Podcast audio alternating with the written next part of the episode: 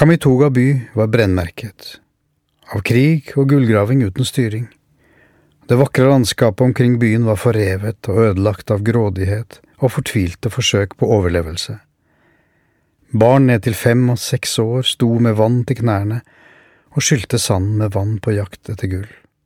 Jenter og kvinner sto uten munnbeskyttelse og twanga maue, det vil si knuse stein for hånd i en morter, mens støvet fylte luften rundt dem. Og i dem, og i barna de bar på ryggen. Ved siden av de provisoriske teltene der de gravde ut hull og fylte med vann for deretter å vaske ut gullet, sto det barer. Kort vei fra gullfunn til ølet og fattigdommen igjen. Og ved siden av baren var horehuset, eller rettere sagt horeteltet. Der forsvant resten av pengene, og du satt i beste fall igjen med en kjønnssykdom, men som regel med hiv.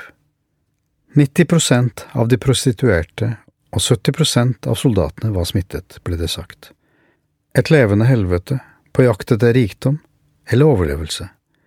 Det er lett å riste på hodet, lett å bli indignert og løfte pekefingeren.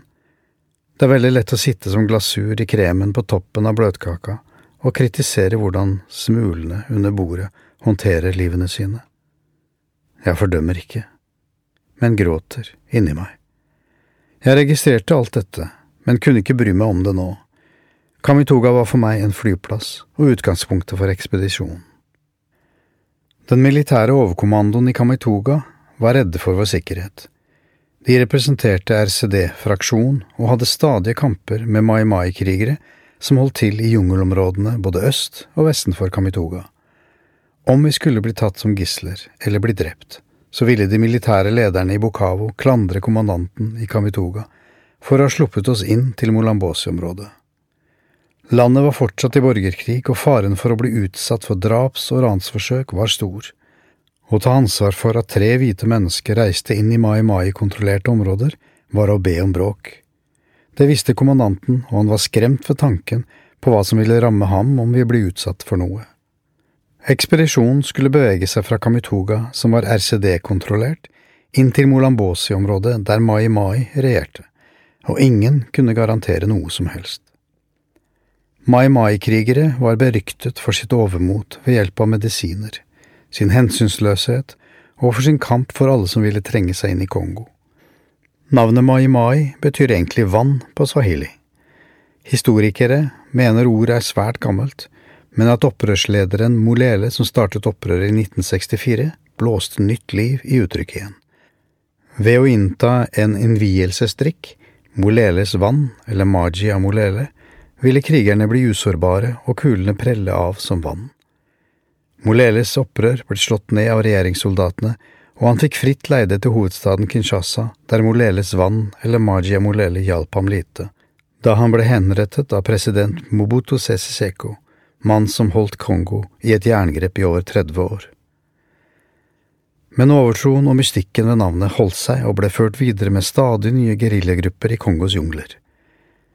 I tillegg var det grupper av Interamwe-soldater som streifet i området, og alle var fiender med alle. Overkommandoen i Kamituga vurderte risikoen for våre liv som altfor høy, og det ville forby oss å gå.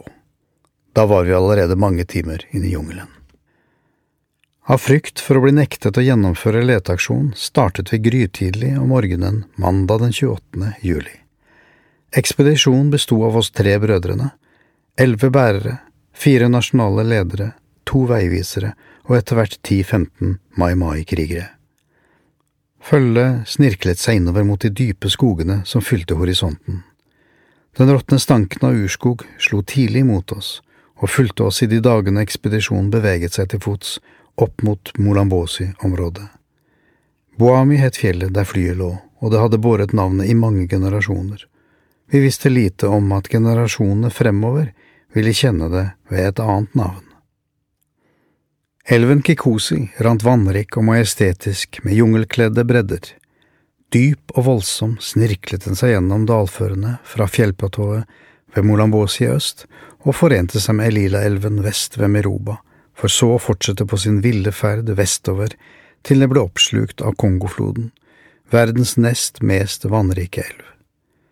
Brua som krysset elven var flettet av lianer rundt en stålvaier og så ut som en forstørret ved. Bunnen på veden var ti centimeter bred, mens veggene var én meter høye. Brua svaiet frem og tilbake mens vi én etter én gikk forsiktig over. Etter en times marsj opp åsryggen på den andre siden av elven hørte vi sang og trommer. Vi ble møtt av hundrevis av kristne i ellevill begeistring, skingrende barnestemmer i flerstemt sang og dans med en innlevelse og rytme man kan misunne dem. Deres nærvær og vennlighet ga oss forsikring om at vi var i trygge hender på tross av krigsfaren. Ryktene om de tre misjonærbarna på jakt etter farens fly hadde gått foran oss. Menighetene hadde mobilisert alle de kunne for å møte ekspedisjonen, først og fremst som en gest for å vise oss ære, men også i pur begeistring over å få besøk.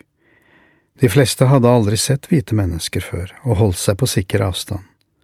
Latteren runget gjennom jungelen når ett av barna tok mot til seg og fikk berøre Tronds hår.